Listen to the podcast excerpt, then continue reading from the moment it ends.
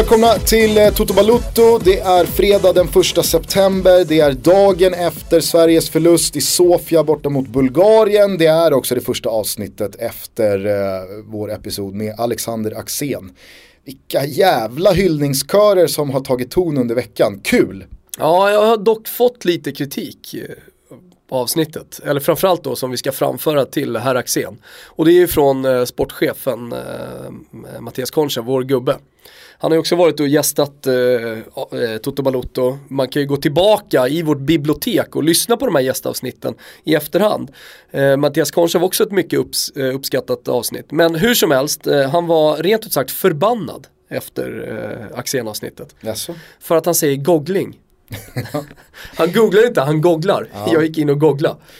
Jag var Eh. tvungen att stänga av och repa mig, hämta andan. Det är märkligt faktiskt att eh, det står 1970 i Axéns pass.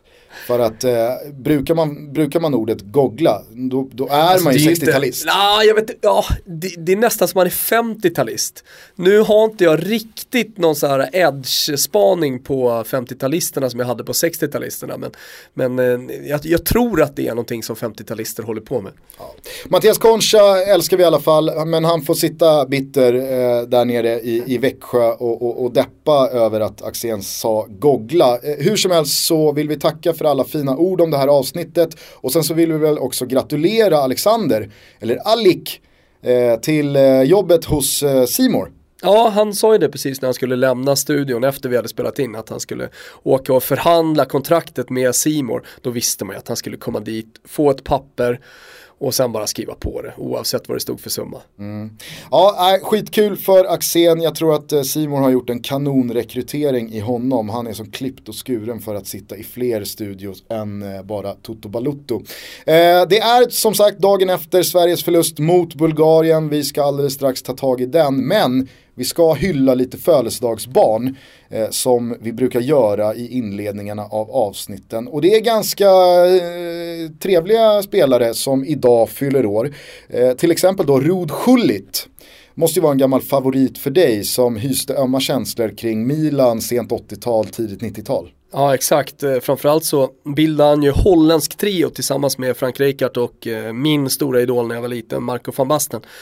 Och eh, det, var, det, det som var speciellt med Rod ja förutom att han överlag var en fantastisk fotbollsspelare och vann eh, titlar, inte minst då EM 1988. På den tiden så var ju mästerskapen det man såg fram emot hela tiden. Och så någonting alldeles speciellt då. Eh, man eh, samlade på de här Panini-albumen på ett annat sätt än vad man gör idag. Man exponeras för så mycket fotboll och det är fotboll hela tiden så att det blir inte lika speciellt. Men hur som helst, det som Rod Schullit var, var att han nickade hårdare än de andra sköt. Han, Och hade han var en, tidig med det. Han hade en ruskig tjurnacke. Ja, nej, men alltså, fick han ett inlägg i utkanten av straffområdet då kunde den ju sitta ribba in. Som ett Batistuta-skott. Han fyller idag 55 bast. Jag har ju Rod Schüllits nummer, visste du det? Alltså. Ja. Jag har fått det i något läge, jag skulle ringa, vet det fanns på redaktionen, det var någon som hade så att det, det här får du vara försiktig med. Men eh, ska du inte bara slänga iväg ett grattis-sms då? Jo, kanske jag ska göra. Jag gör det. Jag gör Congratulations from Toto, Balutto. Jag Ja, gör det. Det, Jag jag, gör det tycker här att du ska göra. Eh, denna, Se om vi under programmet får tillbaka något svar. ja, precis. Denna födelsedag delar Rod Schullit med Henning Berg, den norske gamla mittbacken som firade stora triumfer i Manchester United sent 90-tal. Eh, José Antonio Reyes, en spelare som jag tror att många nog hade förväntningar på efter sin första period i Arsenal att den här spelaren kommer växla upp och bli en av de absolut bästa. Det strandade ju sen. Han hade det inte riktigt eh, men eh, vad han verkligen hade det var ju en, en, en bedrövlig klädstil.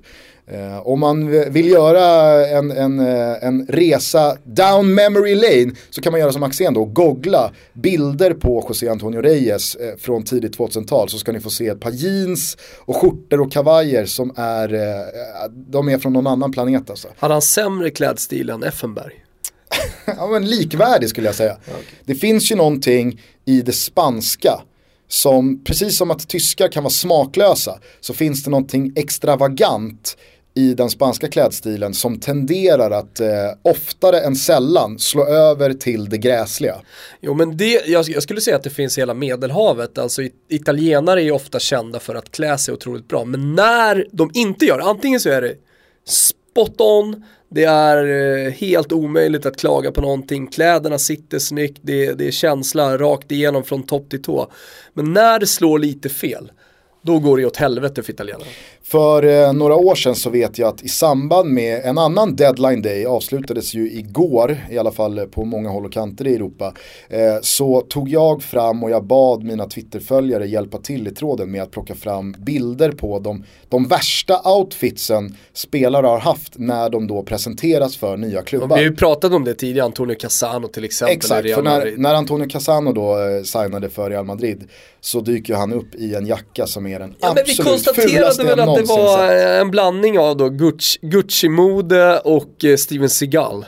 Ja. Någon slags indian eh, inspiration liksom. Ja men när fotbollsspelare missförstår sig själva och tror att de även är filmstjärnor eller artister det är ju då det blir som absolut sämst. Alltså Lady Gaga ska ju nästan dyka upp i någon köttklänning. Eller Prince ska dyka upp i någonting helt sjukt spejsat. För ja, att men de det är, är ju bara musikartisterna vara... som kan klä sig så också. Ja, eller, eller så här, filmstjärnor kan ju dyka upp i lite vad som helst för att mm. de är untouchable, de är filmstjärnor, de är lite på låtsas. Fotbollsspelare är ju i slutet av dagen, det är ju idrottsmän som ska vara fysiska atleter som ska kämpa och springa efter en boll. Det är det de ska göra, då kan man inte klä sig hur som helst.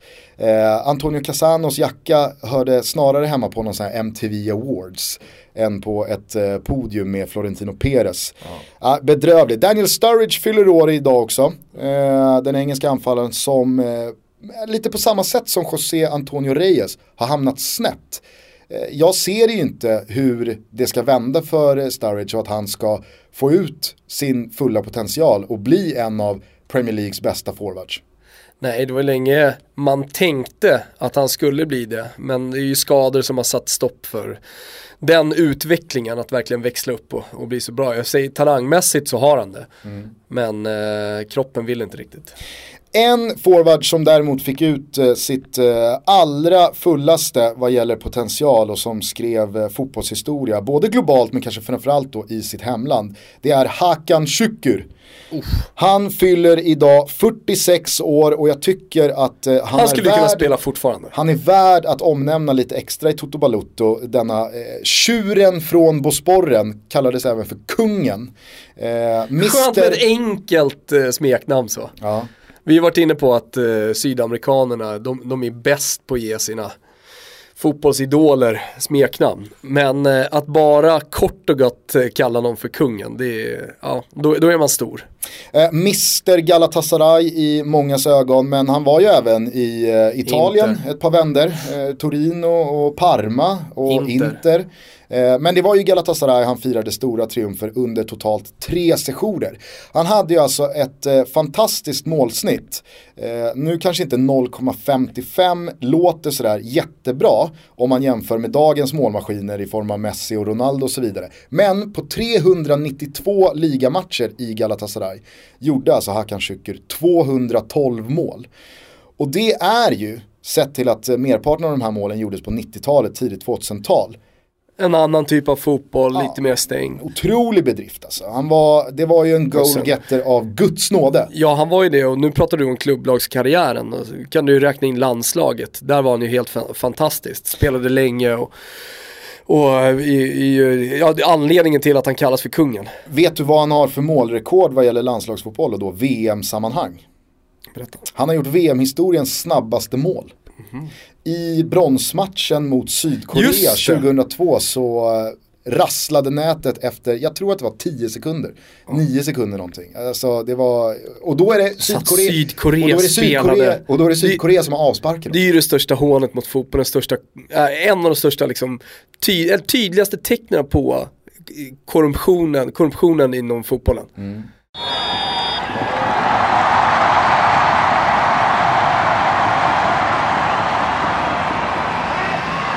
Hong who is immediately caught in possession. What a start this could be! And Turkey have the lead and it's Hakan Şükür inside 15 seconds for Turkey. Men det går heller inte att komma ifrån den där bronsförbannelsen som har vilat eh, över många eh, tredjeplacerade lag i just fotbolls-VM. Du har ju Sverige då bland annat som tog brons 94, missar sen två raka mästerskap, EM 96 och VM 98. Eh, Turkiet, eller vi har Kroatien som då tog brons 98. Eh, jag tror att de missar både EM 2000 och VM 2002. Turkiet tar då brons eh, VM 2002, missar EM 04 och vill jag minnas VM 06. Eh, Holland tog eh, brons eh, i Brasilien 2014, missade ju EM sist här och är ju på god väg att eh, missa även chansen till Ryssland nästa sommar. Så att det finns ju någonting i det där bronset. Du jag är ju inte någon som ger mycket för sådana här förbannelser och spöken och traditioner. Det värsta jag vet är när folk i, i spelsvängen ska hålla på och reka en match och man väger in att Ja men som igår då till exempel, att Sverige har ett fantastiskt facit mot Bulgarien. Man har 20-0 och man har inte förlorat eh, mot Bulgarien Jo sen... men då kunde du vända på det och säga att Bulgarien inte har förlorat en hemmamatch på, vad är det, 6-7 år? Ja men det är, ju, det är ju mycket mer relevant i form av, alltså när en det kommer till spel. Eller landslag. När det kommer till spel, att Turk eller Bulgarien har fyra raka vinster på hemmaplan. Däribland mot kvalificerat motstånd. Ja, det säger ju att de är starka hemma. Än att det ska vara en faktor att Sverige vann med 4-0 för 23 år sedan. Det spelar ju ingen som helst roll. Det är olika spelare, det är en, det, det, ingenting spelar roll i att Sverige vann mot Bulgarien för 23 år sedan. När man då ska tippa eller spela på matchen igår. Det, jag blir ruskigt provocerad av sånt. Eh, hur som helst, Hakan Şükür, han la ju av efter eh, många år och gav sig in i politiken. Gick ju sådär. Eh, jag tror att han kom ganska långt va? Här får ju några av våra briljanta turkiska lyssnare fylla på i Ja, alltså den turkiska politiken, eh, den vill jag absolut inte beröra. Det är en djungel. djungel, ja framförallt så är det ju starka känslor åt alla håll där. Ja. I de här tiderna så låter jag någon annan prata om Hakan Şükürs eh, eh, politiska karriär. Jag lägger absolut ingen värdering i det, för jag vet inte vad han har gjort. Jag vill vara väldigt tydlig med det. Jag tror att han tog sig in i parlamentet faktiskt. Ja. Eh, 2012-2013 någonstans där. Men, men jag tror också att han bröt sig loss och blev en så kallad vilde. Han körde själv. Politisk vilde. Ja. Eh, jag läste någon artikel där, eh, jag, jag, tror att vilde, termen vilde då, politisk vilde kallas på engelska för independent. Alltså du blir helt självständig, du kör din egen agenda, du kör ditt eget race. Och i ett land som Turkiet så tror jag att man inte har speciellt mycket eh, att vinna på det. Eh, man, man tystas nog ner ganska så snabbt om, om man inte är uppbackad av någon, av någon större eh, grupp eh, eller något parti. Eh, vad vet jag. Det finns ju någonting mer renare då i de afrikanska fotbollsspelarna som ger sig in i politiken. Där känns ju vägen mot tronen eller toppen eller det där presidentpodiet känns ju betydligt Ja, lättare. men Via och sen har vi Kaka Kaladze, vi har Shevchenko, det, det är flera fotbollsspelare som har gett sig in i politiken. Ja, Ingen svensk än va? Thomas Bodström är väl det närmsta ja, vi kommer. Han var väl ändå justitieminister? Jo, väl, det är klart han var. Men, ja, nu har ju han, fan, han har väl någon roll i Fifa. Vill jag minnas att han landade i, i vintras, våras någon alltså gång. Han är med i Mix eh, Megapol, han sitter i tingsrätten, han har en roll i Fifa. Många strängar på sin lyra. Ja, det, det, ska man ha, det ska han ha, Bodström. Jag tror ju att uh, den uh, fotbollsspelaren från den yttersta världseliten som har bäst chans att faktiskt bli en tung politisk spelare, det är ju Didier Drogba. Eh, han kommer ju bli någon slags president eller kung. Någon slags. Ja, det är ju röriga, det är ju röriga titlar. Det. är röriga titlar i Centralafrika. Alltså. Eh, men eh, nu, nu, vet jag inte hur mycket Betsson kan sätta odds på här. Men om Polsäter känner för det så kanske man kan få ett litet odds på Didier Drogba som liksom statschef i Elfenbenskusten innan 2030. Det kanske finns någonting där. Eh, vill du säga någonting mer om Hakan Şükür eller ska vi eh, gå vidare med avsnittet? Tycker jag. Vi är sponsrade av Ben och eh, vi satt ju tillsammans med Dobben och Sillen som är eh, Topdogs borta, borta på Ben häromdagen. Satt och planerade lite inför framtiden. Vi har en massa spännande grejer. Inte bara då det här första eventet för alla beslutsfattare som har hakat på i det som är samarbetet Toto-Ben. Ett eh, eget nätverk i nätverket. Eh, och då berättade Sillen som eh, syr ihop många dealer att han hade suttit med två stycken olika chefer på två olika företag eh, och fått ihop en deal mellan de här på en miljon. Och det, jag menar, det kanske inte säger jättemycket för alla, men det är ju precis det Ben handlar om. Man träffar andra, kanske inte i samma bransch, eller så är det samma bransch och så hittar man affärsmöjligheter tillsammans. Och det är det vi tänker då när vi har den här första träffen. Holland-Sverige, ännu mer avgörande nu än, eh, än vad vi kunde tro i och med att vi förlorade mot Bulgarien. En jävla trevlig kväll kommer vi ha. Men framförallt kommer det ge det här affärsmöjligheter då för alla som är med. Och det är många som har fattat redan och gått, eh, gått med i Totoben, gått in på businesseventnetworks.se slash totobalotto.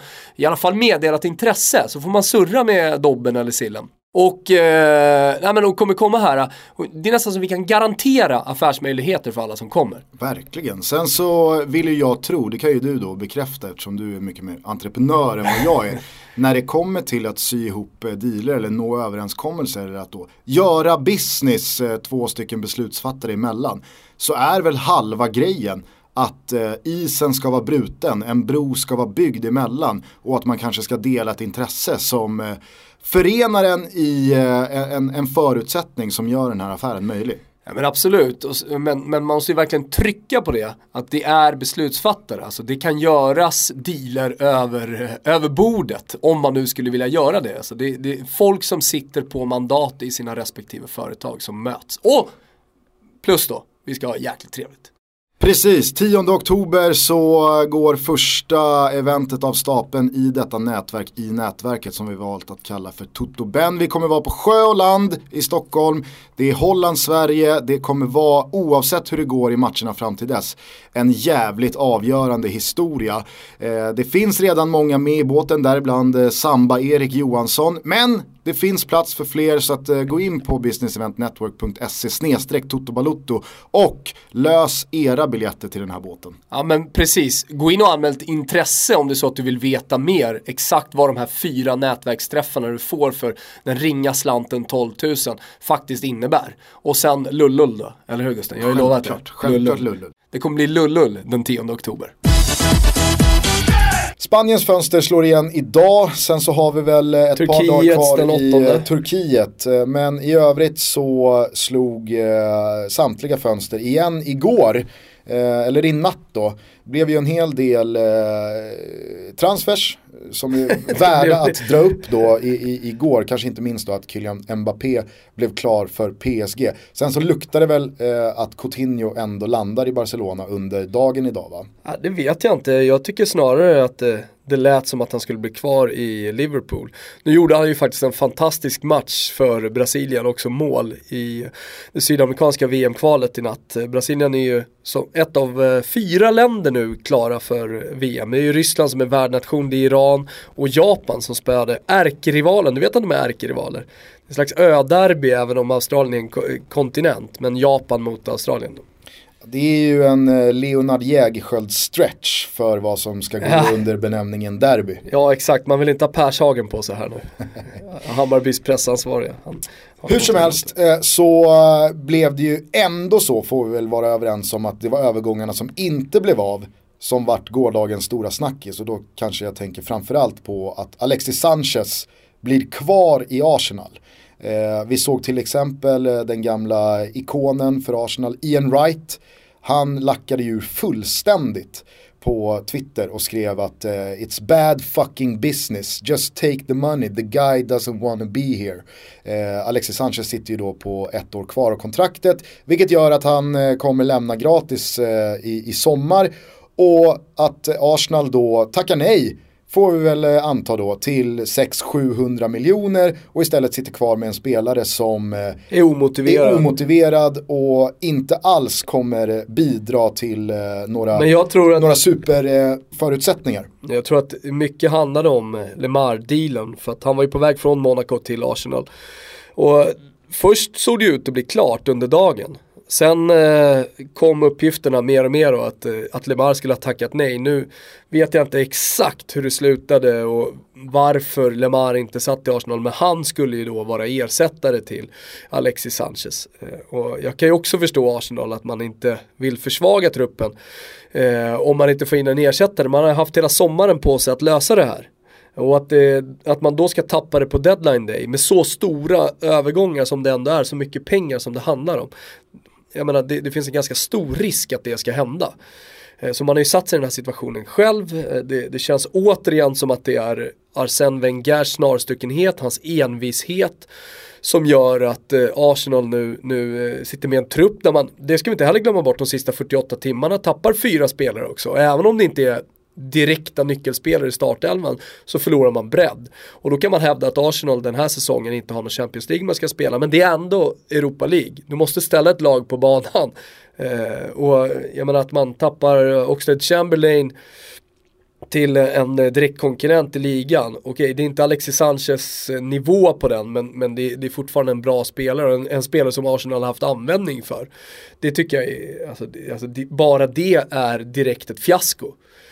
Och eh, som jag sa, alltså, när ryktena kom upp på att Wilshire skulle lämna igår, jag skulle gå till West Ham eller vad det var. Jag tänkte bara, alltså, vad, vad händer? 50 spelare på gång, på gång ut här nu från, eh, från Arsenal på 48 timmar och så sätter man ingenting. Och vad gjorde Wenger igår? Jo, han jobbade för fransk tv inför matchen mot, eh, mot Holland. Han var ju inte ens med han, han, han, kan ju inte jobba, han kan ju inte vara hands-on. För jag menar, ska du sätta en sista minuten-värvning eller sista timmarna-värvning, då måste du ju vara på plats, då måste du fysiskt närvara. Du kan, det kan du inte lösa med en telefon från en studio. Och alla vet hur mycket Arsène Wenger styr det här i Arsenal. Mm. Det, är, det är bara att lyssna på Kim Källströms eh, sommarprat, men inte bara det. Det, det. det, är Wenger som styr med järnhand. Och han är en envis jävla gubbe som måste bort från Arsenal om de ska kunna gå vidare. Eh, på tal om Lemar då och eh, Monaco så eh, drar ju jag kopplingen, eller jag skulle vilja utse då Monaco till eh, världsfotbollens IFK Norrköping. Ha. Alltså, det är en sällan skådad tömning av truppen. Fast, och då såg vi, nej men så här, nu, nu plockade man in eh, Jovetic, man plockade in Keita Balde från Lazio, man behåller då Lemar och det finns ett absolut dugliga du, spelare Du glömmer kvar. en av de bästa värvningarna det här sommarfönstret. Thielemans. Som gick till eh, Monaco tidigt på säsongen som har varit en, en av de bästa spelarna i Monaco som har inlett ligan jättebra. Och vi pratar ett lag som spelade semifinal i Champions League förra säsongen. Vi har Falcao som flyger mer än kanske någonsin gjort. Nej, det, det var en skarv. Men, men eh, som är i alla fall helt skadefri och som är en världsforward. Ja, jag ville egentligen inte liksom... Men skillnaden med Norrköping är att de har tagit in något. Ja, ja, exakt. Och det var, det var ju egentligen Norrköping jag ville till snarare än att hacka på Monaco. Sen är det ju anmärkningsvärt eh, vilka jävla spelare som har lämnat Monaco, för vilka priser de har lämnat och att det sker under samma fönster. Alltså man har tappat eh, Mendy, eh, Mbappé och Bakayoko de måste ha fått vadå, 3 miljarder totalt. Ja, 3,5 miljard för de här ja, gubbarna. Det var, det, var, det, var, det, var någon, det var någon som sa det, alltså för de pengarna som Monaco har tjänat på de här nyförvärven kan de, eller på, på de här försäljningarna kan de plocka in Messi på utköpsklausul. Det är också roligt att när man en gång i tiden, och det är inte alls länge sedan, nu lät det som det, eh, men eh, för några år sedan när Messi förlängde, när Neymar kom in och eh, Eh, man satte utköpsklausuler på 2,2 miljarder, Messis ligger väl på runda slängar 2,8 miljarder, då kändes det omöjligt för klubbar att nå dit. Men efter att PSG har värvat både Mbappé och Neymar för totalt sett 4 miljarder, ja men då är det inte, då är det inte längre omöjligt. Eh, så så alltså att, att Messi blir kvar i Barcelona, det är bara på grund av hans egen vilja här framöver. Om en klubb vill ha honom och lyckas eh, motivera honom och lyckas övertala honom, då, då, då kommer de här 2,8 miljarderna spenderas. Och det, det jag vill säga bara är att Monaco har ju cashen nu på det de har fått in, att värva Messi. Men då bara för att sy ihop säcken då med, med Norrköping så släppte man ju igår alltså Sebastian Andersson till Kaiserslautern.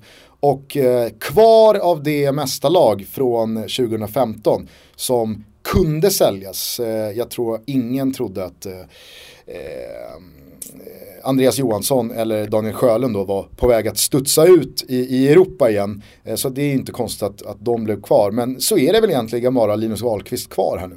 Sen har man ju tömt sig på allt, man har knappt eh, köpt in någonting och jag, jag är riktigt orolig för eh, Peking alltså.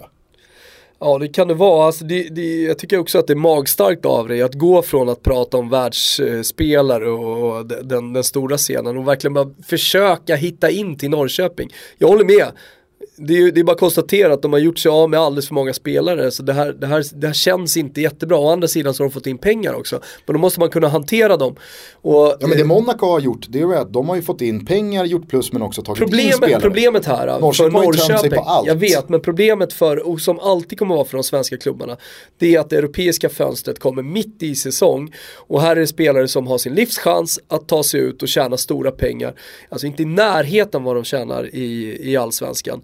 Eh, jag vet inte vad Sebastian Andersson kanske tjänar nu när han lämnar 200 000 netto rätt ner i fickan. Alltså det, det, är, ändå, det är ändå en enorm skillnad. Man, man, har, man har möjlighet att säkra upp då efter karriären genom att ta de här stegen ut i Europa. Så man måste förstå att det kommer alltid hända oavsett eh, hur bra Östersund går eller om Norrköping skulle ta sig in i, i, i en Europa League-grupp så, så, kommer vi aldrig kunna mäta oss med de här, låt oss säga mellanskiktet också. Eh, holländska klubbar, belgiska klubbar, turkiska mittenklubbar, eh, för all del även Legia Warszawa, alltså polska klubbar. Det är en, det, det är en helt annan ekonomi där. Mm. Ja, alltså verkligen. Eh, jag reagerade bara på igår när, när Sebastian Andersson eh, blev då officiell att det här är, det här är en tömning av, eh, av mått jag aldrig har varit med om. Alltså. Ja. Skitsamma, eh, vill du säga någonting mer om Monaco eller fastnade du för någon annan övergång igår? Jag reagerade Nej, jag fastnade för Chelsea såklart. Ja. Eh, för de, de gör ju ett fönster som i alla fall så här på pappret nu eh, Eh, med ett par omgångar spelade, några, några omgångar spelade i, i, Premier League inte känns eh, tillräckligt starkt för att kunna utmana om titeln. Alltså de ligger precis bakom, man tar in Drinkwater som jag tycker hamnar i samma kategori lite som eh, Mares, eh, alltså en spelare som flög, som funkade under den otroliga säsongen som de hade under Ranieri men som jag ja, men som, som fortfarande är en dyr bänkspelare för Chelsea. Han går inte in i startelvan. Nej, samtidigt så är det väl eh, bredden eh, Chelsea har behövt eh, jobba på. För att du kan ju fortfarande ställa upp en, en riktigt, riktigt bra elva av den truppen de har. Men där bakom så har det sett lite tunt ut. Nu kommer Drinkwater, det är ändå en engelsk landslagsman som har gjort det bra i Premier League. Och jag tror dessutom att han är väldigt, väldigt nöjd med att få sina 8, 10, 12 Premier League-matcher. Han kommer spela eh, i, i, i någon kuppmatch, eh, han får sina inhopp, han får möjligheten till att spela Champions League. Han är ju svinnöjd med det där. Man plockar även in Zappacosta som känns som en, en, en jättebra spelare sett till hur Conte och Chelsea formerar sina lag. Han gjorde, ju han gjorde Marcus Alonso till en världsspelare. Victor Moses. Jag, jag ska säga att han var eh, ja, kanske övre skiktet men, men ändå hyfsat medioker i Fiorentina, Marcos Alonso. Han hade framförallt defensiva brister. Mm. Ja, nej men eh, Chelseas, uh, Chelseas fönster kanske inte ska ha högsta betyg, men så jävla dåligt tycker jag inte det, det, ska, det ska slashas heller. Nej, nej, nej, men de är ändå... Intressant att se vad som händer med Diego Costa som alltså inte heller löste ny klubb. Nu är det ju spanska fönstret fortfarande öppet idag fredag. Ja. Så att vi får väl se om, om inte jo, han men säg att Coutinho, säg att Diego Costa blir, blir kvar. Vi har, vi har också en situation som vi var inne på med Alexis Sanchez. Här är liksom spelare som ah, Okej, okay, Coutinho ska inte placeras i samma fack riktigt. Jag tror att Liverpool-fansen ganska snabbt kommer kunna ta tillbaka honom och, och, och få känslor när han gör mål. Jag skulle säga att det räcker med ett mål på Anfield så, så är han tillbaka. Och sen segerintervju efter eh, så går vi vidare. Ja, men, vi men, såg, ah, men, men, men det Liverpool-fansen ändå kommer ha med sig det är ju hans vilja att spela i Barcelona. Och jag menar så fort ett fönster öppnar igen, ja då är vi där. Ja, vi får väl se. Menar, det, eh, det, det, känns som att eh, ingen, eh, ingen Milan-supporter pratar ju idag om Donnarumma som någon Judas eller någon svikare. Nej men annars tycker jag, alltså det som slår mig, det är, det är väl på ett sätt då bra att du tog upp Norrköping. Det är ju stor skillnad det på hur vi bevakar deadline day. Dels i Sverige, eller i Sverige kontra då utomlands. Nu har jag haft förmånen att vara på plats i Italien Eh, under flera fönster. Eh, upplevt eh, hela den här kommersen med, med ja, köpa och sälja spelare och då pratar jag inte bara i toppskiktet i Serie A utan det går ju ner hela vägen ner till Serie D tusental agenter på plats på ett och samma hotell. Det, det är verkligen, man, där får man ju verkligen svart på vitt att det är kohandel. Alltså spelare är eh, spelare är produkter. Man åker dit med sin agent och sen så erbjuder man sig då till, till olika klubbar. Vi stod här och pratade med faktiskt en svensk agent precis innan vi gick in i, i det här rummet eh, och, och, började spela in. Och, och som, som, låt oss säga då, håller till i det här mittenskiktet. Eh, och, och hur, hur, svårt det är, hur smutsig den här branschen är. Eh, det tror jag inte många som, som följer världsfotbollen Eh, alltså, man, man, vet att det är korrupt och man, man, vet att det är jävligt mycket svarta pengar under bordet och så vidare. Men, men när man kommer ner till andra divisionerna, alltså, där det fortfarande handlar om extremt mycket pengar, speciellt för en svensk fotbollsspelare eller en svensk agent som hanterar de här spelarna. Eh, eh, så, men, men, men det ska säga att alltså, där är ju deadline day, om du tar Italien då som exempel, men det funkar likadant i England och i Spanien och i, i, i de stora ligorna Eh, så är ju deadline day, alltså som du är supporter till Arsenal, då sitter du och följer Sky för att de har en gubbe utanför träningsanläggningen och man, man, man sitter och hoppas, man sitter och väntar, man följer alla de här uppdateringarna. Alltså svenska deadline day, den finns ju inte riktigt för att vi, vi har, den kommersen finns inte. Vi handlar inte med spelare riktigt, på, eller riktigt, inte ens i närheten av på samma sätt som man gör i de här länderna. Så, så bevakningen blir ju att, ah, nu har han spelaren klar för Brescia, nu har han klar för Benevento, nu, nu har Crotone gjort det här. Alltså det, det sker så mycket värvningar som du har eh, men direkt direkta känslor för. Nu var väl kanske den här eh, säsongens deadline day, vad är det, två veckor sedan drygt, 15 augusti tror jag att det var, var väl ett, ett undantag eh, i, i, Sverige för det hände ju väldigt mycket sista dagen och kanske näst sista dagen. Det var oerhört många svenska affärer som, som sattes. Jo men, men inte det jag menar. Nej nej, eh, men, men det jag tror också. Eh, Ingen sitter ju så på nålar och väntar på att Oskar Hiljemark ska skriva på för Panathinaikos. Nej nej, absolut inte. Men vad jag menade med svenska klubbar klubbarna. Att det finns ju en deadline day där också. Det som skiljer Sverige från väldigt många andra länder det är att det är väldigt, väldigt svenskt ja. att inte hamna i tidsnöd. Vi har gjort vårt, herregud. Ja, vi som tyskarna stäng igen fönstret, det ja. spelar ingen roll, vi är klara. Alltså man tar ju tag i det där mycket, mycket ja. senare. Men återigen då som sagt, i år har det varit ett, ett litet undantag. Kanske framförallt med AIK som väntade väldigt långt in på säsongen med att sätta sina anfallsvärvningar. Eh, och nu i augusti då så, så händer det ju en hel del med Carlos Strandberg då framförallt eh, som, som kom in sent och, och spelare som kom tillbaka och, och värvades. Men jag håller ju med det finns ju inte alls samma liksom panikshow kommers business. Nej, men, nej. Ja, men det, det, det är framförallt alltså jävla mycket mindre apparat här. Och det, det, är så otroligt stort i de andra länderna. Jag skulle komma till i själva bevakningen av det här. Eh, jag tyckte, det var faktiskt Anders Nettelblatt som var en av de första, eh, tillsammans tror jag med David Fjell, som hade idéer om att göra det här på fan-tv. Sen blev Anders Nettelblatt eh, sportchef på Expressen och eh, vi började bevaka deadline day, eh, ja men sådär stort som det har varit, alltså från morgon till kväll. Eh, och jag förstår verkligen att folk diggade det här. Det, det, det, var helt nytt, det var balt, man följde de här övergångarna, det hände ganska mycket och, och framförallt så kunde man ju då sitta och följa allting under en hel dag. Sen har det hänt väldigt mycket så du, du kan ju i stort sett bara sitta och uppdatera Twitter om du har ett bra följe och så, så, så får du i alla fall övergångarna, eller hur? Ja, ja. Eh, men, men det, jag inte, det, det jag tycker är konstigt, det jag inte gillar, det är vart den här bevakningen har tagit vägen.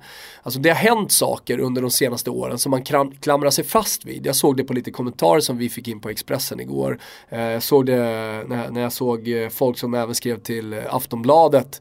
Eh, det är till exempel det här med att eh, Harry Redknapp kommer in, vevar ner en ruta. Eh, Erik Niva äter godis i studion. Ja, kanske lite att jag har gjort någon så här galen bevakning i Italien. Nu tycker jag att jag liksom, tog det här ett steg längre med en ambitionsnivå i alla fall att åka ner till Italien och göra någonting mer utav det här. För jag tyckte att det hade stagnerat när man bara sitter, ofta fyra, inte längre men så här killar i en studio med en laptop i knät och, och sitter och försöker vara lite putslustiga kring att Harry Redknapp kommer och vevar ner rutan. Alltså jag förstår att det var roligt där och då, men det vi, det vi gör nu, några år senare, det är att vi pratar om att det ska bli galet. Och finns det en, eh, var är Odden, jag fick massa frågor igår. Odden Winge, var är han någonstans? Men det är inte roligt längre. Det är inte roligt att prata om Harry Redknapp. Det är inte roligt att prata om Odden Winge. Det är inte roligt med att någon fax går sönder som man skämtar om. Det, det, det, det är liksom, det, vet du vad det är? Det är precis egentligen samma sak som eh, kvalvaka. Det var roligt första matchen. Det var dött andra matchen uppe i Luleå. Det sa jag till dig också. Jo, jag vet att du sa det och När jag, du, jag, jag var också medveten skulle åka om upp det. till Luleå så sa jag att jag tror att Jo. det här kommer, det blir magplask här. Jo, ja, men det blir, ibland blir det en del magplast, men nu har det varit magplast några vänder. Nu har det gått lite för långt. Alltså det, det, det är dags att hitta på nya grejer i så fall. Eller att, ja, steppa ner helt enkelt. Framförallt så tror jag att du trycker på en sak här tidigt i din utläggning eh, som är viktig. Det är ju att idag så behöver du inte lyssna på någon i en svensk webb-tv-studio förmedla det du kan ta reda på själv. För det är ju exakt det man gör idag. Du förmedlar det någon annan har dragit Jo. fram. Det jag alltid respekterade med dina bevakningar på plats på Ata Hotel eller Star Hotel i Italien. Det var ju att du faktiskt var där och grävde fram nyheter, liksom konkreta saker att faktiskt rapportera om. Du tog ju inte någon annans jobb och eh, journalistiska arbete och, och slit och plingade i någon klocka och sa nu är det, alltså så här, det blir, det blir ju den stora skillnaden nu för att jag jag skippar mycket, jag kollade inte en enda sekund på vare sig er eller Aftonbladet eller någonting igår. Just för att jag Men det, det går jag vill stå. veta, det jag, vill förstår veta det, det är, stå. är den här spelaren klar eller inte? Okej, nu hamnade Llorente i Tottenham eller nu blev eh, Lucas Perez klar.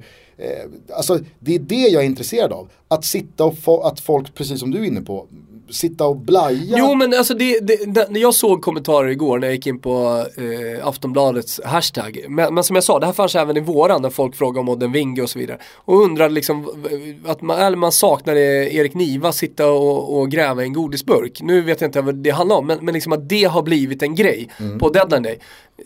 Har vi inte högre krav på de här sändningarna då, alla som tittar? Vet du, vad den, vet, du vad, vet du vad den eh, absolut mest efterfrågade sekvensen fortfarande är?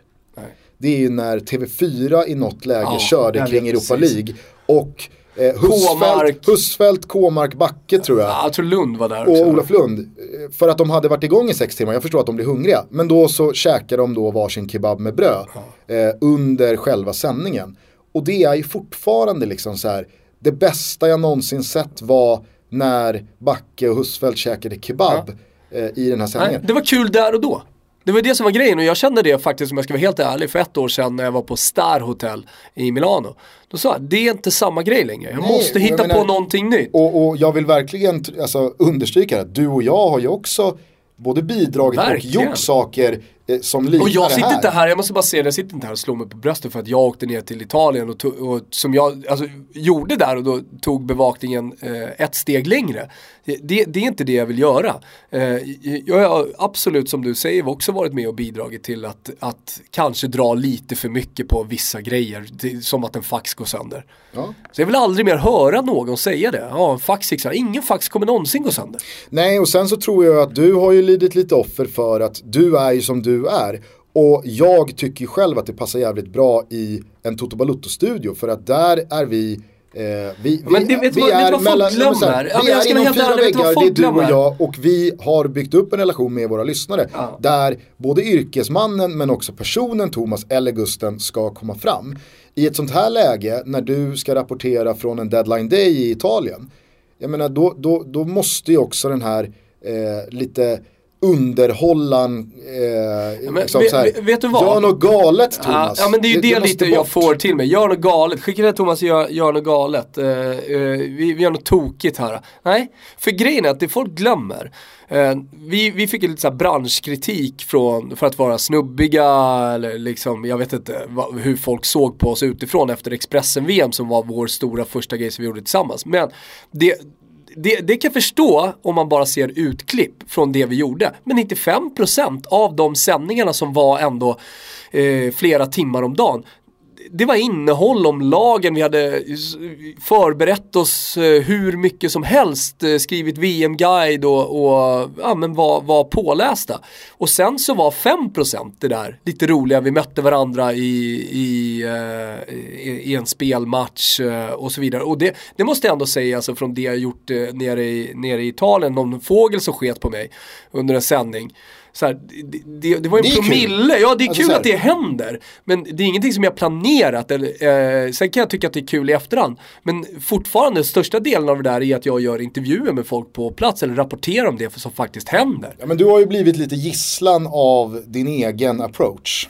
Eller Jo. det, det, alltså uppfattningen om dig. Ja, och det som klipps ut, att Ja. sånt också händer under de här sändningarna. Ja, alltså jag tycker absolut Men, att... men det, eh, jag, jag vill bara, här, nu är det dags att gå vidare från Harry Redknapp, det är dags att gå vidare från godisburkar och det är dags att gå vidare från det galna i Deadline Day-sändningarna. Vet du vad det också är dags att gå vidare ifrån? Fan, du och jag kanske ska hitta på något till januari. Ja, men vet du vad det är dags att gå vidare ifrån? Nej. 18 timmars sändningar. Ja men det är slut. Det, det var slut från, från igår också. Jo, jo, men alltså så här, okej. Ni gick från 18 till 10. Alltså det jag menar är att jag tror att det är en bättre strategi att göra två riktigt bra, informativa, sylvassa, absolut gärna med något kul inslag också, timmar att kolla på. Än att det ska bli den här, nu rullar kameran, nu bara kör vi. För då är det klart att det blir så att folk blir hungriga och måste käka. Niva blir sugen på lite godis. Eh, någon, Lord Bentner, vad hände med honom? nå, någons fax går sönder, någon, någon får en dildo i örat. Alltså så här, det sker ju för att det också rullar i 18 timmar. Men vad blir kontentan? Jo, det konkreta och viktiga och det folk faktiskt vill ha ut av det här. Det drunknar i allt blaj och allt eh, liksom ståhej alltså, så runt att det får gärna vara skojigt, jag säger inte om det. Alltså, Inte tonen får, får gärna vara lättsam. Det är en, jag vet inte hur det är engelska Sky, men det är är också i italienska. Jag, jag har sett hur de jobbar där nere. Eh, det, det, det finns också en lättsam ton under deadline day. Eh, men det måste finnas också ett värde än att bara återberätta gamla roliga saker som har hänt. Och återigen då, du och jag ju absolut Kan inte någon jävel köra ner i ett dike? Men vi, eh, vi är ju en, en aktuell podd, en utvecklande podd. Eh, alltså vi, eh, vi tittar väl oss själva lite i spegeln här. Eh, och eh, säger att vi, vi, vi eh, gärna blir eh, levande exempel på att det går att gå vidare från det som varit och faktiskt eh, tänka om och tänka nytt. Får jag bara ta upp en spelare som igår landade ett nytt stort fett kontrakt i en eh, högst eh, aktuell och relevant klubb i den europeiska toppfotbollen. Som jag återigen då reagerar på. Hur lyckas den här spelaren lösa kontrakt efter kontrakt? Feta Är det utrikeskorrespondenten? Nej, han har inte bytt klubb vad jag vet. Men eh, Kostas Mitroglou. Eller Konstantinos tror jag att han heter. På tal om VM 14. Ja men alltså Mitroglou är en anfallare som kommer från Grekland, gjorde sig ett namn i Olympiakos eh, under en ganska så kort brintid och efter det så har det bara snurrat på för den här gubben. Jag vet inte hur han lyckas.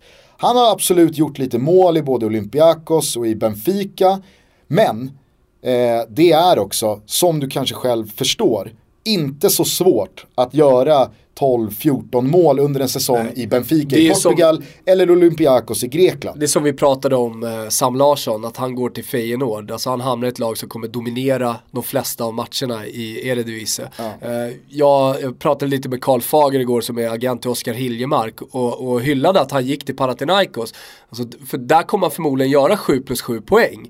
Och då hamnar han kanske om ett år också i en helt annan sits jämfört med att hela tiden kriga i bottenlag i Italien.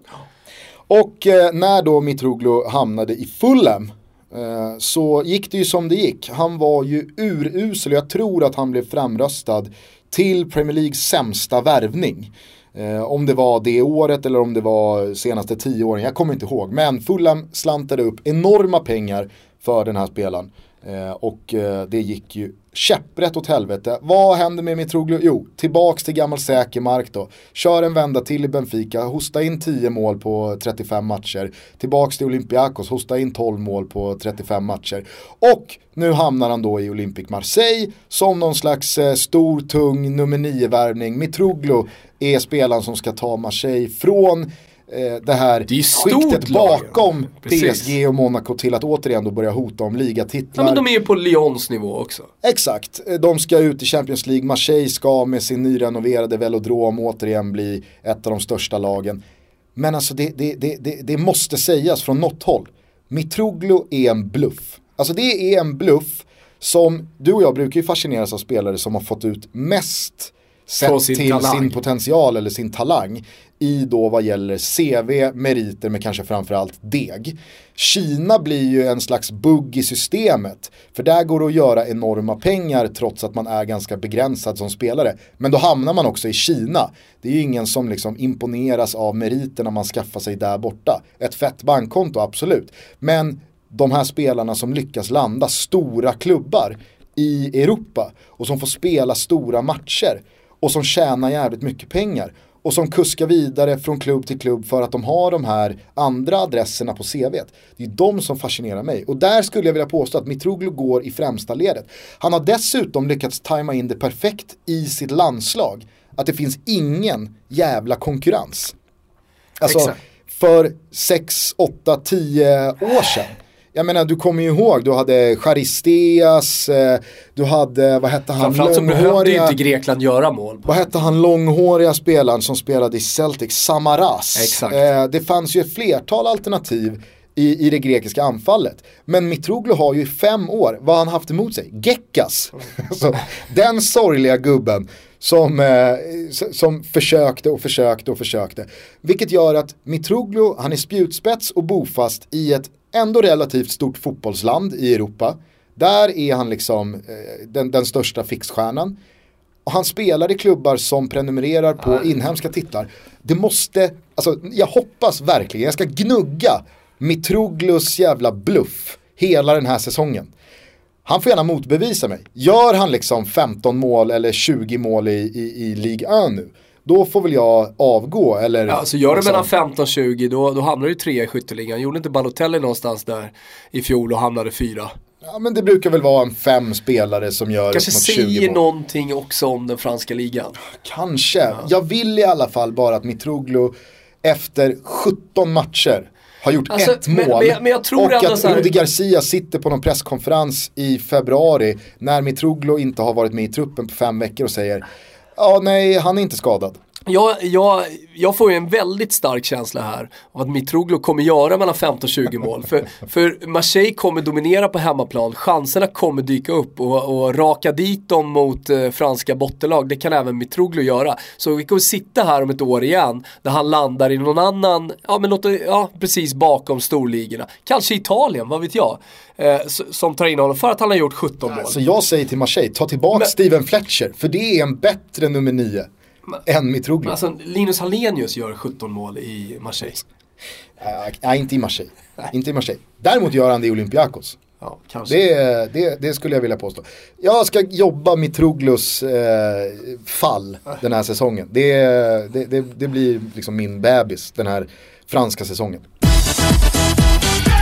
Fan vad skönt det var att eh, Frankrike gjorde sitt. Vi hade ju pluggat eh, den här eh, tvåmålssegern mot Holland ganska så hårt. Och eh, det, det, det kändes bra redan från första gången vi, vi tog orden i munnen. Frankrike, de var ju helt med på noten också. Det som blev 4-0 hade ju kunnat bli 8-0. Ja, men det roliga är att vi eh, rekommenderade spelet, vi gjorde det på Betsson tillsammans med Betsson som är vår sponsor. Då kan man ju tänka så här, men nu rekommenderar vi vinstspel. Nu har vi gått bra, både i Toto-tripplarna även om vi hade lite otur senast. Men, men generellt sett har det gått bra det senaste halvåret. Det finns all anledning att rygga våra spel.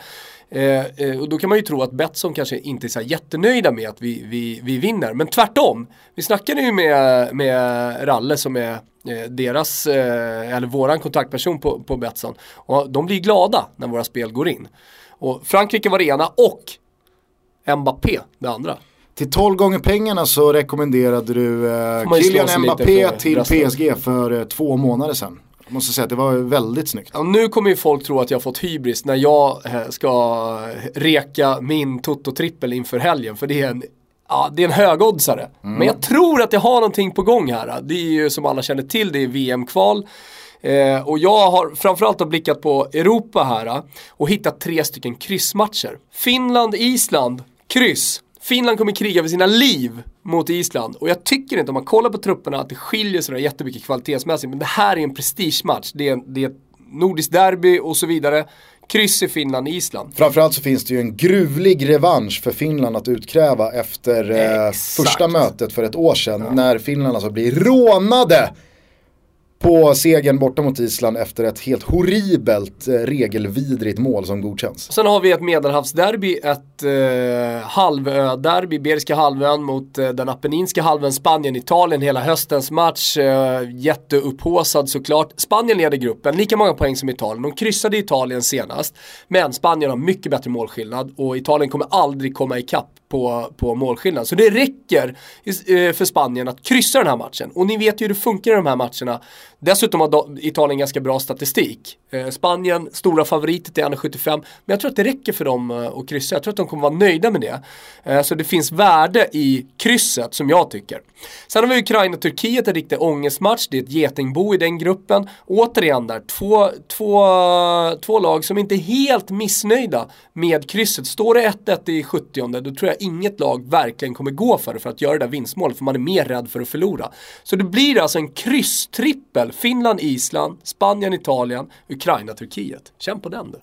Ja, jag känner på den och kontrar med då en eh, lite eh, lägre oddstrippel. Jag, jag riktar in mig mot eh, tre spel som jag tror bara sitter till ganska låga odds. Jag tror att Sverige studsar tillbaks och slår Vitryssland bara på klass. Jag var och såg eh, hemmamötet i våras eh, och hur Vitryssland ska kunna applicera hemmaplansfördel till någonting som ens ska hota Sveriges tre poänger. Det ger jag inte mycket Sen för. Sen är de helt uträknade i gruppen också efter förlust mot Luxemburg. Exakt, ett lag som förlorar med 4-0 mot Sverige och ett lag som förlorar mot Luxemburg, Luxemburg ska inte ha någonting med poängen att göra. Jag minns att de kryssade mot Frankrike för ett år sedan. Det är ju ett minne blott. Ja. Sverige har ju nu efter förlusten också också eh, väldigt mycket att spela för. De måste ta sina tre poäng nu mot Vitryssland och Luxemburg inför sista matchen mot Holland. De bara vinner. Eh, sen så har jag hittat ett överspel på söndagen i Superettan. Det är Syrianska som möter Trelleborg. Jag gillar när lag eh, möts och har väldigt mycket att spela för. När då ett mål som öppnar matchen kommer göra att andra laget måste gå fram. Syrianska slåss för sin existens och Trelleborg slåss för en kvalplats upp till allsvenskan. Eh, tittar man på de här lagens målfacit senaste 5, 6, 7 matcherna, ja, det är ju mål i massor åt båda håll. Så att över 2,5 mellan Syrianska och Trelleborg. Och sen så tror jag att Brage kommer göra processen kort mot arameiska Syrianska i norrettan. Brage leder överlägset, de andra lagen tar poäng av varandra. Så att jag tror att Brage syr ihop säcken här nu och säkrar eh, seriesegen. Jag tror att man leder redan i halvtid hemma mot arameiska Syrianska. Det är min tripp trippel. Ni hittar dem under godbitar och boostade odds på Betsson.com. Ni eh, spelar dem med en insats eh, till 148 kronor. Ni screenshotar dem och hashtaggar in dem under Toto-trippen. Så är ni dessutom med och tävlar om allsvenska matchbiljetter. Mm, gör det, in på Betsson, lägg era spel, det blir en rolig spelhelg. Vi säger någonting om eh, Sveriges match eh, mot Bulgarien. Alltså, en sak som jag irriterade mig ganska mycket på, eh, nu blir det mycket irritation här, jag vill inte att det ska vara så. Men eh, jag satt ju i den här sändningen igår på Expressen eh, och pratade, eller tog till mig väldigt mycket av det folk skrev på sociala medier, tog till mig det vad jag hörde expert, experter och pratade inför matchen mot Bulgarien. Du har varit inne på det här, det, det, är, ett, eh, det är ett starkt landslag på hemmaplan, Sverige har bra statistik eh, och det var det man kollade på. Framförallt så då, vi kommer från en match mot Frankrike som vi vann. Turligt, det glömmer folk bort. Eh, det var ett mål i, i sista minuten, det var ett misstag från Frankrike. Men alltså jag kan förstå att folk var positiva med tanke på hur Janna har liksom fått till det här. Men att vi bara ska åka och hämta tre poäng. För det var det jag hörde. Det var det jag läste. Att den här matchen handlar om att åka och hämta tre poäng i Bulgarien och sen ta sig till Vitryssland. Och sen är andra platsen klar. Och sen så krigar vi vidare om första platsen och, och har chansen när vi åker till Holland att, att uh, gå direkt till VM. Det var det jag störde mig på. Och sen också eftersurret. När alla är så enormt besvikna, eller besvikna får man vara absolut. Men förvånade över att vi förlorar borta mot Bulgarien. Mm. Som att det svenska laget är något eh, storlandslag som bara åker och vinner de här matcherna. Det, det, det är så jävla förvånande tycker jag. Alltså- att folk inte lär sig. Jag har, två, jag har två tankar efter den här matchen. Dels det du är inne på, för att jag, alltså, jag, jag tycker inte... Orimliga förväntningar. Ja, det är men, det och, och jag tycker inte heller att man efter den här matchen ska liksom säga hur kan vi torska den här matchen? Jag menar tittar man på hur den här matchen spelades, absolut har Sverige en bra period i egentligen andra halvlek från att den går igång till Bulgarien gör 3-2. Där är Sverige ganska bra och vi har chanser för att göra 3-2 och kanske till slut lösa en vinst i den där matchen. Men även fast Sverige hade vunnit matchen igår så måste man ju kunna säga att nej men vi var inte bra. Och ibland så måste man också kunna säga att ja men Bulgarien var, liksom, de var helt okej och Sverige, de är inte på sin absoluta toppnivå i en sån här och då räcker det Sånt inte, det är det händer. som är grejen. Ja, precis. Vi hamnar i ett tidigt underläge, eh, det, det är ett bra mål. Eh, Sverige hamnar ju i en situation då där även fast det är tidigt i matchen så blir det liksom långa lag där det blir lite stressat, det blir mycket felpass. Sen, gör man, sen, sen kvitterar man, men man åker på 2-1 direkt då. Och det är ju en jättebra frispark, det är omöjligt att försvara sig mot. Alltså hatten av till Bulgariens 2-1 mål. Det, alltså, de hade gjort mål mot Real Madrid på den där frisparken också, för det går inte att försvara sig mot den. Och så hamnar man i läget, man gör 2-2 Nej, Alltså man kan i alla fall vara där Gusten. Du Va? kan vara där, de är två stycken fria på bortre stolpen. Alltså du två- kan vara där, sen är det, sen, jag säger inte att du ska vinna den nickduellen, men du kan, inte, du kan inte lämna två helt fria. 2-1 målet är helt omöjligt att försvara sig mot. Jo, men du kan i alla fall göra bättre. Du kan ha någon som sliter i en tröja, du kan ha någon som är där och Du kan dra ruffar. på den straff liksom. Och Tagliavento hade hittat den. Som han hade hittat den straffen direkt efter Sveriges straff då. Nej men alltså så här, eh, förstå mig rätt här. Jag tycker att Sverige gjorde en, en svag prestation. Jag Absolut. såg att det var Tagliavento som dömde, då visste jag att Sverige skulle förlora. Ja, jag skrev det också innan matchen. Ha, Ja, Tagliavento, emot då är det, bara, då är det bara hoppas. Nej, men jag tycker inte Sverige gör någon bra match. Absolut hade man ändå kunnat få med sig både en och tre poäng. Men jag är inte heller förvånad över att det, det ser ut så här. Och jag tyckte att det var jävligt bra sagt av Micke Lustig. Vår gubbe Lustig. Själva startskottet till att vi överhuvudtaget sitter i eh, Toto Balutto.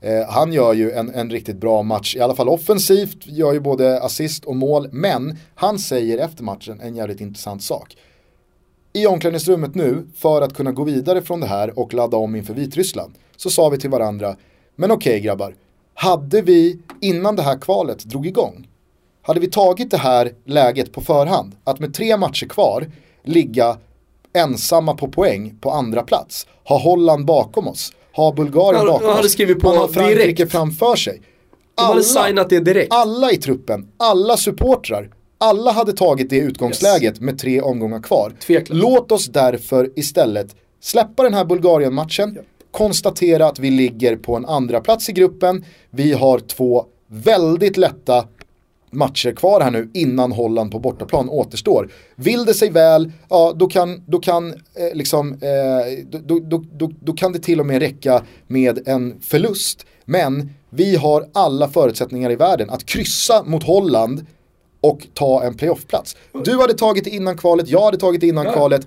Spelarna hade tagit innan kvalet, alla andra hade tagit innan kvalet också. Så att gå igenom det här svenska landslaget spelare för spelare. Kolla på Bulgariens hemmafacit. Vi torskar en match vi absolut hade kunnat kryssa eller, eller vinna. Men vad fan. Alltså så här, häng inte eh, liksom Janne högt eller det här är inte jordens Men, undergång. kolla den här det- jag, jag förstår att eh, lejonparten hemma i Sverige inte har koll på de bulgariska spelarna för det är inte Stoichkov och, och, och den typen av lirare fortfarande, men, eller nu för tiden. Men kolla på Tjotjev som gör 3-2 målet. Han har liksom lirat Serie A de senaste säsongerna. Alltså samma nivå som Hiljemark och, och den ligan. Alltså varit, varit ordinarie i Serie A. Alltså, det, det är inte så att vi ligger jättelångt före Bulgarien på pappret. Nej. Sen är vi ett bättre landslag, absolut. Jag tycker, jag tycker att vi är det bättre laget igår också om man ser till helheten. Men Framförallt så har ju Sverige alltid vunnit väldigt mycket på organisation, kontinuitet, en tydlighet. Det har ju inte Bulgarien vunnit jättemycket på. Men det är aldrig rörigt, det är aldrig stormigt, det är sällan eh, spelare hamnar i konflikter. Eh, det, det, det finns ju inte de aspekterna på samma sätt i Sverige som det gör i många andra fotbollsländer, kanske framförallt då i öst av Europa. Men självklart så är ju Bulgarien kapabla till att störa och hota Sverige. Vilket Ja, men jag, gårdagens jag, hörde folk, jag hörde jättemånga som har hyllat det här landslaget och som verkligen har stått bakom det. Men jag Och också, men varit- det har, det Ja, har alltså, absolut, här, men jag hörde förlusten igår har ingenting med det att göra. Så Nej, men jag lyssna. fortsätter hylla det här Jag landslaget. vet, men vänta. Jag hörde jättemånga av dem igår säga nu är det kört. Nu är det kört. Ja. Vi förlorar den här matchen borta mot Bulgarien. Nu, har vi, nu blir det inget VM. Nej men vadå kört? Alltså, Vad fan är det? hade Sverige löst fyra segrar, slagit Holland borta, Ja, för men det var det, torskat, som- det, var det som mot hade Frankrike krävts. förra matchen, vunnit den här matchen mot- Bulgarien, vilket hade varit rimligt, eller hur? Ja. Han bara vänt på steken. Ja. Ja men återigen, hade Sverige löst fyra segrar här nu på slutet, alltså vunnit borta mot Holland i sista och tagit nio poäng på matcherna fram till dess. Alltså, för det var ju det som hade krävts för att hålla Frankrike bakom sig, för Frankrike kommer gå rent. Och, och då är det så här, det hade ju varit en av de absolut största svenska prestationerna i modern fotbollstid. Hur som hålla det helst. här Frankrike bakom sig över tio matcher i ett kval. Är, Hur som helst, om jag ska kritisera Janne lite kort, så, och jag vet att utrikeskorrespondenten är vår gubbe och han har en lillebrorsa, men jag tycker att det är väldigt konstigt att han inte har med Sam Larsson i den här truppen. Han har varit med i, i varenda trupp eh, under eh, det här VM-kvalet och sen eh, när vi verkligen behöver ha in spelare en mot en, att ha en sån spelare på bänken, det är ju värdefullt när man möter Vitryssland och Bulgarien. Det är klart du kan hamna i underläge, det är klart att du kanske behöver luckra upp ett försvar i ett 0-0-läge sent i den andra halvleken. Och vad har vi då ute i Europa? Vad har vi för toppspelare som, äh, i, i svensk mått mätt, som faktiskt kan göra den här skillnaden? Ja, Sam Larsson är en av dem och kanske den bästa av dem. Eh, Och lämnar han honom hemma, jag, jag tycker att det är väldigt märkligt. Sen så kan ju absolut man spela ut kortet att han har haft en rörig försäsong, han har inte spelat någon match på, på väldigt länge. Ja, men, det är men väldigt menar, många i Ja, men så här- svenska landslaget som inte har spelat Dels det och sen är det också så att herregud, 30-35 minuter fotboll, det kan de här gubbarna spela oavsett om det var en vecka sedan eller en månad sedan man spelade match. Alltså, det, det, det, det måste man ändå förstå att så färsk är inte dagsformen. Eh, att, att det svänger Nej. så snabbt. Och återigen då, det var, det var ju det vi reagerade på när, när Sam saknades i den här truppen. Att, ja men vad händer ifall vi lägger under mot Bulgarien med ett mål? Alltså jag kan absolut förstå varför man vill ha en Gustav Svensson med i en trupp eller Sebastian Larsson med i en trupp när det ska bevakas, när det ska bevakas, be- bevakas en ledning. Men scenariet att vi faktiskt ligger under mot Bulgarien måste ju ha varit en del av förberedelserna. Och vad har man då? Att vända sig om och titta på sin bänk då och se, okej nu har vi Gustav Svensson och vi har Sebastian Larsson. Viktor Claesson. Viktor Claesson, men han skulle ju varit där oavsett. Ja. Och jag tycker Viktor Claesson är jättebra. Men det, det är ju det jag ifrågasätter, att det var nästan som att vi, vi förutsatte, precis som du var inne på, även i uttagningen, att vi kommer ju leda de här matcherna. Vi åker ju till Bulgarien och vinner. Och ah, jag, jag är lite Nu är det inte så här att jag sitter, jag hade sagt exakt samma sak om det inte hade varit eh, Dannes brorsa också. Det, det, jag tror att vissa som lyssnar nu kanske sitter och tänker att nu försvarar de bara Sam. Absolut inte, jag hade sagt här, exakt nu samma nämner sak. vi Sam, men det alternativet, oavsett om han hade exakt, hetat Sam eller något annat, så, så fanns ju inte det. Det, det, det, ja, nu sitter jag visserligen och skriker in Ponne i startelvan för jag tycker att han ska spela. Men, men eh, det, det gör jag ju också för att han är Ponne. Eh, men eh, det försvaret ska i alla fall synas här framöver. Ja, alltså verkligen. Och Ett försvar som har varit eh, mer eller mindre prickfritt under, under hela kvalet. Så det är inte så att en bortamatch mot Bulgarien förstör alltihopa. Men det ska synas för att Ponne knackar på den dörren. Så är det och återigen då, som slutkläm på eh, summeringen av gårdagens match så är det faktiskt så Vet du att, att vi Ponne har ligger... fem matcher i landslaget, noll insläppta mål. Jo, han var väldigt tydlig med att trycka på det i en sen WhatsApp-konversation i Det var natt. jag som pressade fram. Nej men återigen då, kom ihåg att vi trots den här förlusten alltså ligger ensamma på andra platsen med tre omgångar kvar av det här kvalet. Vi har Vitryssland borta på söndag, vi har Luxemburg hemma som näst sista match. Innan vi alltså, om vi tar sex poäng i de två matcherna, har allt i egna händer att genom ett oavgjort resultat borta mot Holland faktiskt lösa en playoffplats. Om nu inte Bulgarien skulle eh, liksom, lösa, lösa poäng borta mot Holland nu också på söndag. Men ni förstår vart jag vill komma. Po- Poäng räcker ju inte.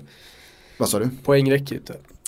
Vadå poäng Om vi vinner mot Vitryssland så räcker ju inte en poäng för, för Bulgarien. Nej men då, alltså så här, om vi då torskar mot Holland Ja. så kan ju Bulgarien ta Ja, ja, sex ja. poäng Visst. och springa om. Ja. Eh, men det är alla förutsättningar i världen för att Sverige ska lösa en playoffplats. Och jag hade tagit playoffplatsen innan någon han ens hade liksom kunnat avsluta förslaget. Innan det här kvalet drog igång. Summa det lite summarum. lugnt, alltså. Ja exakt, summa summarum. Gulasch, inte den hetaste gulaschen men ändå gulasch till alla med lite för stora förväntningar eh, och tror lite för mycket om det här landslaget. Eh, sitt lite ner i eran båt. Eh, schnitzel då Gusten till tusen tillresta Sofia.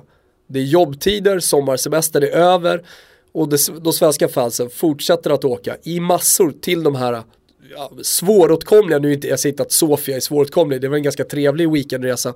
Eh, men ändå, alltså hur många, hur många landslag har tusen pers med sig till en bortamatch mot Bulgarien? Det är fan inte många. Ja, det är inte många och jag tror att jag när eh, Kanal 5 i sin sändning filmade lite supportrar på väg till arenan spottade vår gubbe i GIF Sundsvall, Tommy Naurin. Är det så? Han hade tröja på och en GIF Sundsvalls eh, halsduk runt halsen. Fan, vad mäktigt. jag är inte 100% säker på att det var Naurin, men 99 i alla fall. Så att eh, någon får Är gärna det bekräfta. bekräftat att Naurin är vår gubbe?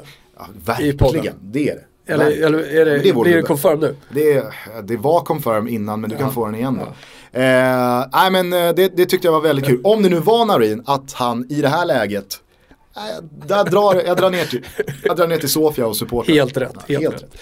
Hörni, eh, ta hand om er, trevlig helg. Eh, glöm nu inte Toto-tripplarna hos eh, Betsson och glöm heller inte att gå in på businesseventnetwork.se totobalutto för att i alla fall om ni vill och är intresserade eh, få höra mer om vårt nätverk i det nätverket. Eh, vi hörs nästa vecka igen. Vi har stora grejer på gång, många härliga nyheter som ska kommenderas ut. Framförallt så har vi ett avsnitt 100 som eh, just nu planeras och eh, som vi har eh, ja, själva stora förväntningar på. Eh, Ja, det var vi- väl lite det jag hade i åtanke också när jag, när jag bollade upp att vi har stora nyheter att, Ja. att snart äh, delger. Eh, skitsamma, augusti har blivit september och eh, varför då inte spela Peter Lemarks fantastiska ända till september. Eh, ciao tutti hörni. Hörni, ta hand om er. Tack för att ni lyssnar. Ni är fantastiska. Ciao, tutti. Kanalen skiftar grön och svart. Från andra sidan hör ni stans midnattsbrus. Bara blått ljus från båtarna. Ingen ser när du smyger din hand in under hennes blus.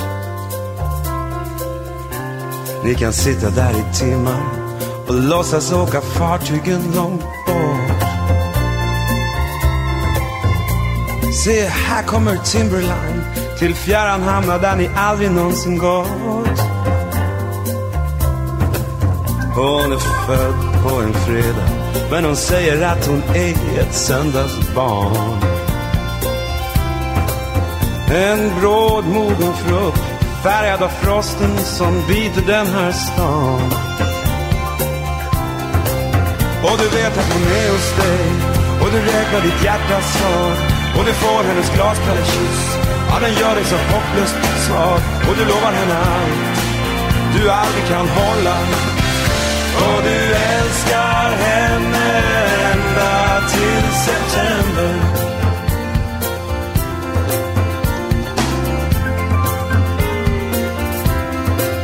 Mm, på söndagen går ni långt, långt bort och längre bort dit gatstenen tar slut.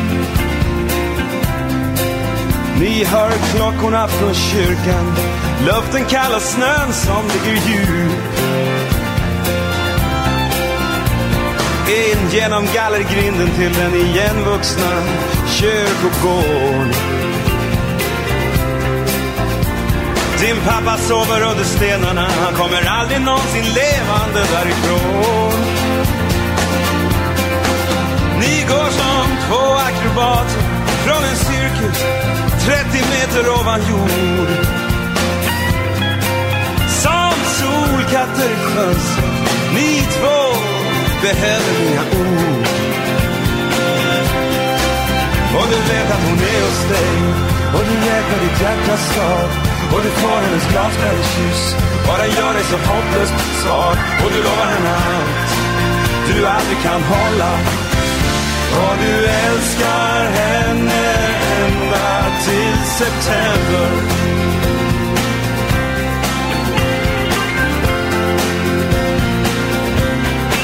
Och du vet du ska sitta där ensam på kanaltorget och vänta på att din båt ska gå.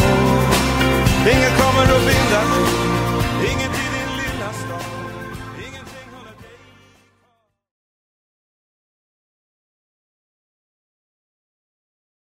Det kändes skönt. För att jag var ju lite orolig där att Mimmo faktiskt hade vuxit upp på Instagram. Han har ju under Vänta, sommaren. varför trodde du det? Nej men han har ju under sommaren ändå, det, det, det måste vi kunna ge honom. Eh, börjat då endast hålla sig till eh, Hålla sig till. Han ligger med grabben i ett par badbyxor i sängen. Och det det är så uppenbart hela tiden på Crescito att han är medveten om vad det är för min han gör. Han ligger och blundar. ja, ja, alltså, Men du ser ju... Är det att- någon som tror på att han sover där? Nej, precis. Nej men jag tyckte i alla fall att det har blivit så här, ja men det är ganska mycket Zenit-bilder Ja. eh, och fotboll och sådär. Eh, men nu är han ju tillbaka i sina trötta collage. Vi har en här för han tre har ju dagar någon sedan. app här. Passato e presente. Presente, hjärta. Och Dieci anni fa solo noi, adesso con i nostro cuccioli. han firar ju tio år här med Pammi. Ja men det, det sjuka är ju, och att vi snackade lite om alltså, alla som följer de här deadline day sändningarna och vill se Harry Redknapp och någon jävel eh, kör ner något dike och den Winge står utanför och vill skriva på ett kontrakt. Alltså följarna till Crescito på den här Passate Presente har han ju 2000 gilla meddelanden. Och, och det är liksom, siete un spettacolo. Ni är fantastiska. Och det har gått 10 år men ni är fortfarande lika fina. Man kräks ju på det här. Sen har han då eh, i samma veva slängt upp en bild på sig själv och sina Är han på små någon söner. drömsemester nu? Ja, han På är- Capri? Han utnyttjar väl att eh, han inte är välkommen i Liazzurri. Det gäller att passa Nej på. just fan, han är inte uttagen nu. Nej. Nej men då har ju han och grabbarna eh, likadana badbyxor. Ja, ja, ja. Och det ja är, det, är, det är verkligen Crescito. Alltså så här, hade smågrabbarna fått ha samma Känns typ han inte av- lite snål? Då hade det varit lite Känns han smågulligt. lite så här. dumsnål, Crescito? Kan det ha varit ta tre för två? alltså med, den- med den lönen. Med den lönen kan jag ju köpa en yacht. ja, men, har, Han ligger han, och gummibåtar. har han inte också fallit för ta tre badbrallor, betala för två? Han har verkligen den auran. Snål och ta tre för två. Sen undrar man ju då, Grande foto är det någon som har skrivit på den. Det som- Stupendi. det som kändes ganska givet Fan. Det som kändes ganska givet när man kollar på den här badbrallebilden Att det är Pammi som då är fotograf det, det, det blir ju då väldigt tydligt att det finns ju en till person på den här båten För den senaste bilden då ligger ju grabbarna i samma badbrallor Och Pammi är med och de, de kysser varandra Vem, Alltså så här, mardrömmen Att följa med på den här båten Som då typ chaufför slash fotograf Alltså jag hade inte gjort det för eh, Sen har ju Pammi tagit hundra bilder här också. Alltså det enda som pågår på den här båten är olika konstellationer av vanilj. Nej, fy fan. Hörru, vi tar den här helgen nu. Jobbar vi i Toto-trippen. Det, det är ju en kul bild här när han, när han kör alla tre Zenits olika tre ställ. Det är ju faktiskt sommars bästa bild från Crescito alltså. Tre olika miner också. Ja. Vilka, alltså det är tre gånger vanilj alltså. Tre nyanser av vanilj. Ja. Hej då.